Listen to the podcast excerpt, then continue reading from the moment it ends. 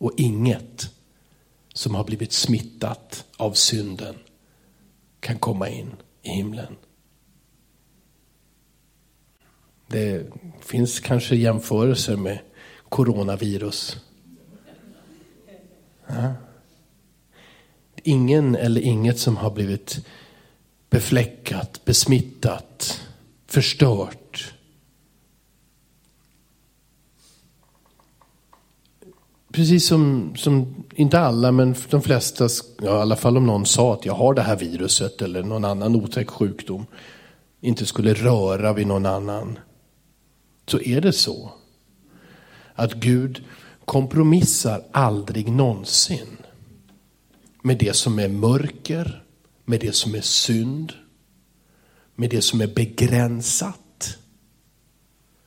Det, det, har inte med honom att göra. Han är evig. Han är god. Och han är helig. Och där är ju vårt problem som mänsklighet. Att vi alla har fått det där viruset. Synden som gör att vi inte har en naturlig, en, en naturlig barns, ja, barnslig, barnalik kontakt med, med vår far i himlen. Och så har Gud den här planen, bara för att han älskar dig och dig och dig och mig och alla människor. Så säger han, okej okay, då, då, då får vi lägga allt, allt det här samlade viruset på en person. En syndabock får ta allt det där. Och då kan han ju inte, säger Bibeln, kan han inte välja ut någon utav oss. Vi är för begränsade och vi är alla smittade redan, så det, det hjälper liksom inte. Utan det här, måste, det här måste bäras av någon som är helt obesmittad utav det. Det är ju bara Gud själv. Och därför så sänder han sin son. Som inte tving, tvunget men frivilligt av kärlek väljer att ta alla våra synder på sig.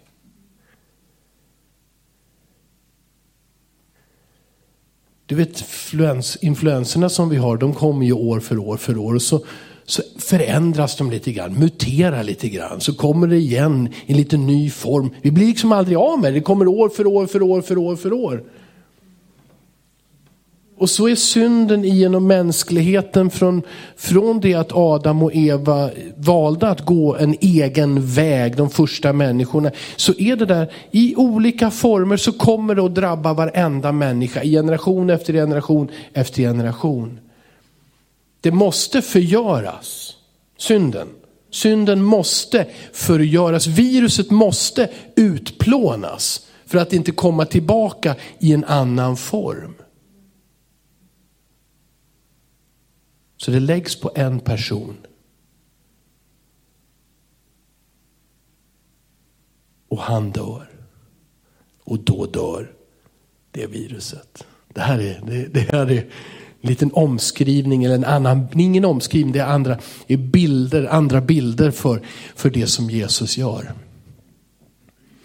En som inte var rädd för att röra de spetälska, Jesus som inte var rädd för att beblandas med män och kvinnor som alla andra såg som fallna och syndiga. Jag är inte rädd för, för han visste vem han var från Gud, helig som han var. Var inte rädd för att om jag är med dig så kanske de anklagar mig för det de anklagar dig för. Så ingenting av den rädslan för människor, för det som hade dåligt rykte, för det som var litet eller brustet. Inte rädd. Sen tar han allt det där på sig. Men det fantastiska är ju att när han gör det så lurar han döden och djävulen. För när han dör så dör allt det med honom som har lagts på honom. Nu måste jag ta en annan bild, bara för att det ska vara så klart. Om du har en pengaskuld till banken eller någon annan människa som du krävs på. Men så kommer någon annan, det må vara din far eller mor eller en vän eller någon annan och säger, jag tar över den skulden. Jag betalar för dig. Mm. Då kan inte den som har gett det här lånet gå till båda två, eller hur? De kommer inte längre till dig, utan nu står någon annan människas namn på pappret. Och så gjorde Jesus. Han gick runt till allihopa. Vad har du, hur mycket är du skyldig? Ja, jag tar det. Hur mycket är du skyldig? Ja, jag tar det. Vad har du för orsaker? Ja, jag tar det. Jag tar allt det här på mig. Och alla, alla skuldindrivare, skatteindrivare, alla arga, alla som vill hämnas. Alla koncentrerar sitt hat på denna enda som har tagit över allt detta. Allt har lagts på honom. Nu är det honom vi måste sätta åt, för det är från honom vi kan få tillbaka det vi har förlorat om vi säger så. Det här, det här, det här är en bild på synden igen. Allt tar han. Men sen så är Gud inte dummare än så. Att han låter Jesus dö. Och vad ska skuldindrivarna göra med någon som är död? Plötsligt så, så är han död. Han kan inte betala tillbaka någonting. Ja men då kommer jag till dig i alla fall för det var ju du som, nej du har till och med papper på att han skrev, skulden skrevs över på honom. Så du är ju fri. Det här är ju ett brev som verkligen är signerat, inte av bläck utan med blod. Med Jesus Kristus, med hans namn. Han har tagit över detta. Och även om någon kan påminna dig om vad du har gjort och hur dålig eller liten du har varit. Så kan du veta i ditt hjärta Amen. Jesus tog allt det där. Han dog på korset. Och där dog min synd. Där utplånades viruset. Och jag får leva. Så det är väl bäst jag ändå läser eh, denna min älsklings älsklingsbibelversur. Ja, det kanske det inte är, men jag tror nästan att det är det. Kolosserbrevet kapitel 1. vers kapitel 2. Kolosserbrevet kapitel 2, vers 13. Bibeln är så här, det här är raka, väldigt nakna, lite otäcka budskapet som får oss att studsa. Ni som var döda på grund av era överträdelser och er oomskurna natur. Ta det här första nu då, ni som var döda. Det, vad innebär det? Jo, alltså den som inte lever i kontakt med sin skapare är död på det sättet, även om vi lever fysiskt och finns här. Men relationen med Gud är död, den existerar inte. Det är, det är hur vacker en lampa än är, om det inte, in, in, kontakten är i uttaget och det finns ström där, så lyser den lampan aldrig. Det spelar ingen roll om den kostade 50 000 kronor. Den är död, den ger inget ljus. Det är människan utan kontakt med Gud. Också er har han gjort levande. Hur då? Med Kristus. Han har gjort oss levande med Kristus. För det står att den som tror att Jesus har tagit min synd ska också få leva med Jesus. Precis som Gud uppväckte honom från de döda så blir vi uppväckta. Det står, Paulus skriver att samma kraft som uppväckte Jesus från de döda är verksamma i era kroppar.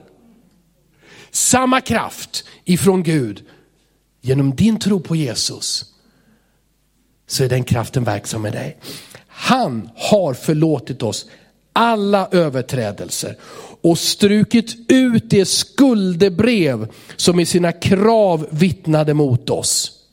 Det har han tagit bort genom att spika fast det på korset. Och därför så älskar varje kristen korset. Trots att det är en, en, ett verktyg för den grymmaste avrättning. Trots att det är en dödens symbol så är det ett livets symbol för oss som tror. Det står, Paulus skriver, det är en, talet om korset är en dårskap för de som inte tror och går förlorade. Men för den som tror är det Guds kraft. För där är all min synd fastspikad, utplånad. Skuldebrevet har ingen kraft. Vittnesbördet om att jag inte tillhörde Gud, att jag gjorde fel, att jag gick vilsen genom livet. Allt det där är utplånat och istället så får jag liv genom förlåtelsen. Jag älskar evangeliet. Det här är för var och en som tror. Man eller kvinna, jud eller grek, slav eller fri. Alla är vi ett i Kristus, frälsta utav nåd och inte av våra gärningar. Ingen människa kan komma till Gud och visa på att jag har gjort det här och det här och du borde välkomna mig. Nej, ingen. För är vi bara drabbade av viruset lite grann så är den dörren inte öppen för oss. Men den som tror på Kristus har blivit fri ifrån synden och ifrån döden och ska leva. Amen. Amen. Halleluja Jesus. Det är därför det stod, visst, vi sa ju att jag skulle läsa. Låt oss ha blicken fäst på Jesus. Hebreerbrevet 12 och 2. Låt oss ha blicken fäst på Jesus. Trons upphovsman och fullkomnare. För att nå den glädje som låg framför honom uthärdade han korset utan att bry sig om skammen och sitter nu på högra sidan om Guds tron. Han såg någonting framför sig. En glädje över att människor skulle bli frälsta, räddade genom hans död. Var det förknippat med skam att hänga på ett kors? Självklart. De värsta av förbrytare. Och människor skrattade och hånade Jesus när han hängde mer eller mindre naken inför människor som en brottsling. Han som hade helat och upprättat och hjälpt människor.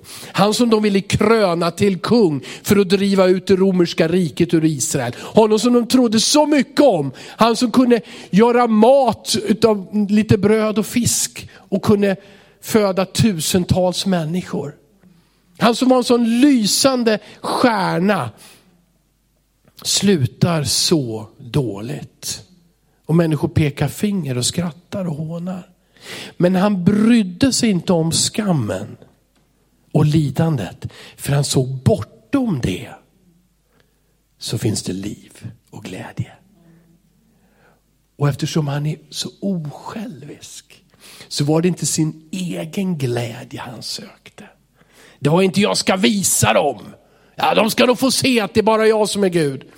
Utan glädjen var din frälsning, din befrielse din frihet, din eviga framtid. Det var hans glädje. Oss. Det är Jesus Kristus. Låt oss ha blicken fäst på honom. Tänk på honom, står det sen i vers 3. Tänk på honom som fick utstå sån fiendskap från syndare så att ni inte tröttnar och tappar modet. Hebreerbrevets författare, okänd för oss, Paulus eller Apollos eller kanske till och med en kvinna, någon skrev Hebreerbrevet. Vet om att kristna, också kristna, också glada människor, också fria människor, ibland tröttnar och tappar modet. Eller hur? Vi tar ingen handuppräckning på den. Det, det, det är liksom nästan ett självmål. Va? Men vad ska vi göra? Ja, se på Jesus. Se på Jesus. Se på Jesus. Jag, har, jag är väl som ni, vi säger, det fixar sig alltid säger vi. Ja, men det är inte säkert att det alltid fixar sig. Se på Jesus istället. Det är mycket bättre än att säga att det fixar sig alltid. Även om det låter trevligt att säga att det fixar sig alltid. Se på Jesus. Han är trons upphovsman, han är också dess fullkomnare. Han håller vad han har lovat. Han är Gud av evighet. Det han säger, det sker. Det han lovar, det håller han. Han gör det, han är trofast över all evighet. Han, han, är Jesus, han är Jesus Kristus. Gud har utvalt honom för dig och mig. Han gick hela vägen för dig och mig. Det är ingen av oss som har den typen av uthållighet. Inte i oss själva. Inte ens där. Men om vi ser på honom, om vi följer i hans fotspår. Om vi liksom går i skuggan av honom. Då har du ett skydd framför dig. Det är som en sköld som beskyddar hela dig. Vad som än skjuts emot dig så är Jesus framför dig, runt omkring dig, vid din sida. Han beskyddar dig.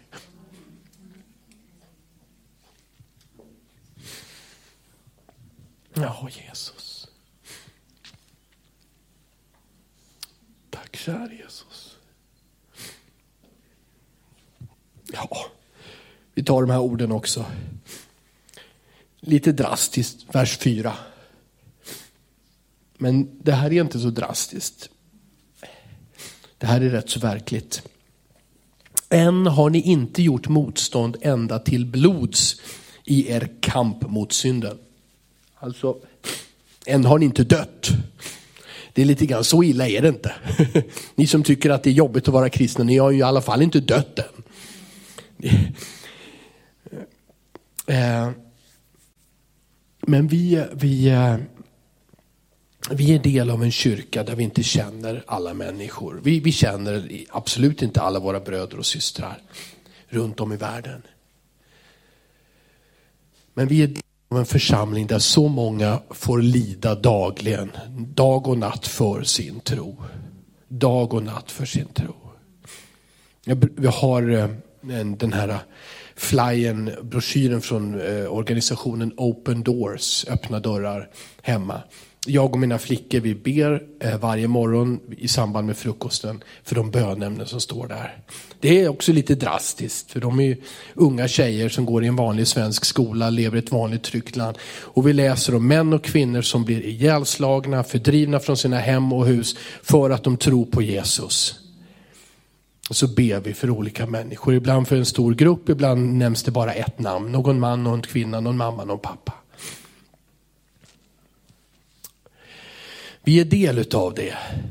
Det här är våra bröder och systrar. Och vår kamp är inte att ta till svärdet och skaffa fram pengarna och se till att kyrkan blir störst i världen så att vi kan krossa våra motståndare. Det finns ingen, ingen, inget sådant budskap. Men vi ska be och vi ska älska. Vi har syskon i Syrien, vi har syskon i Irak, vi har syskon i Burkina Faso, vi har syskon i Eritrea, vi har syskon i, i Nordkorea, vi har syskon runt om i världen som måste fly. Och det är så svårt att fatta det, det, det går inte in i mitt huvud. Men ta Burkina Faso som exempel. Fram till bara för tre, fyra år sedan, ett land med kristna, med muslimer, med vad du vill, ingenting, alltihopa som lever tillsammans och som har de här sista åren gäng, motorcykelgäng med k-pistar, islamister, åkt in i bostadsområden, i byar, skjutit människor, fördrivit dem, kristna flyr, församlingar flyr, lämnar trakter. Förstår du?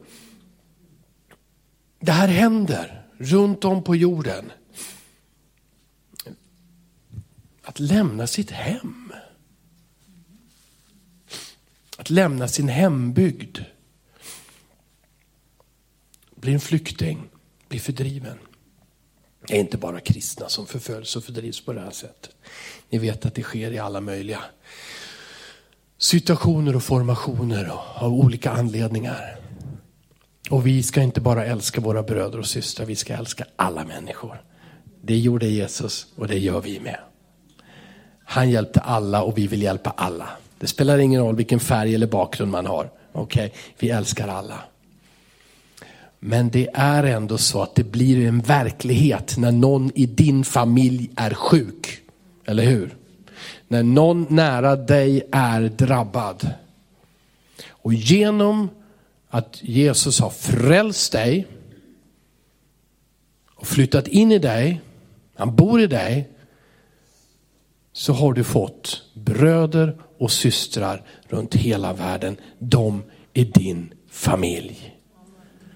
Och Paulus säger när en del av kroppen lider så lider hela kroppen.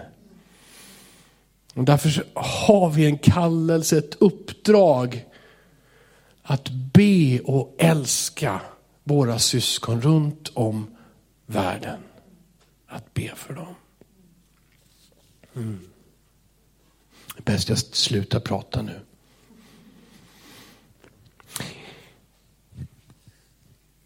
Låt oss, låt oss ta en stund där vi eh, plockar upp, fångar upp det som var viktigt för dig i det som jag sa.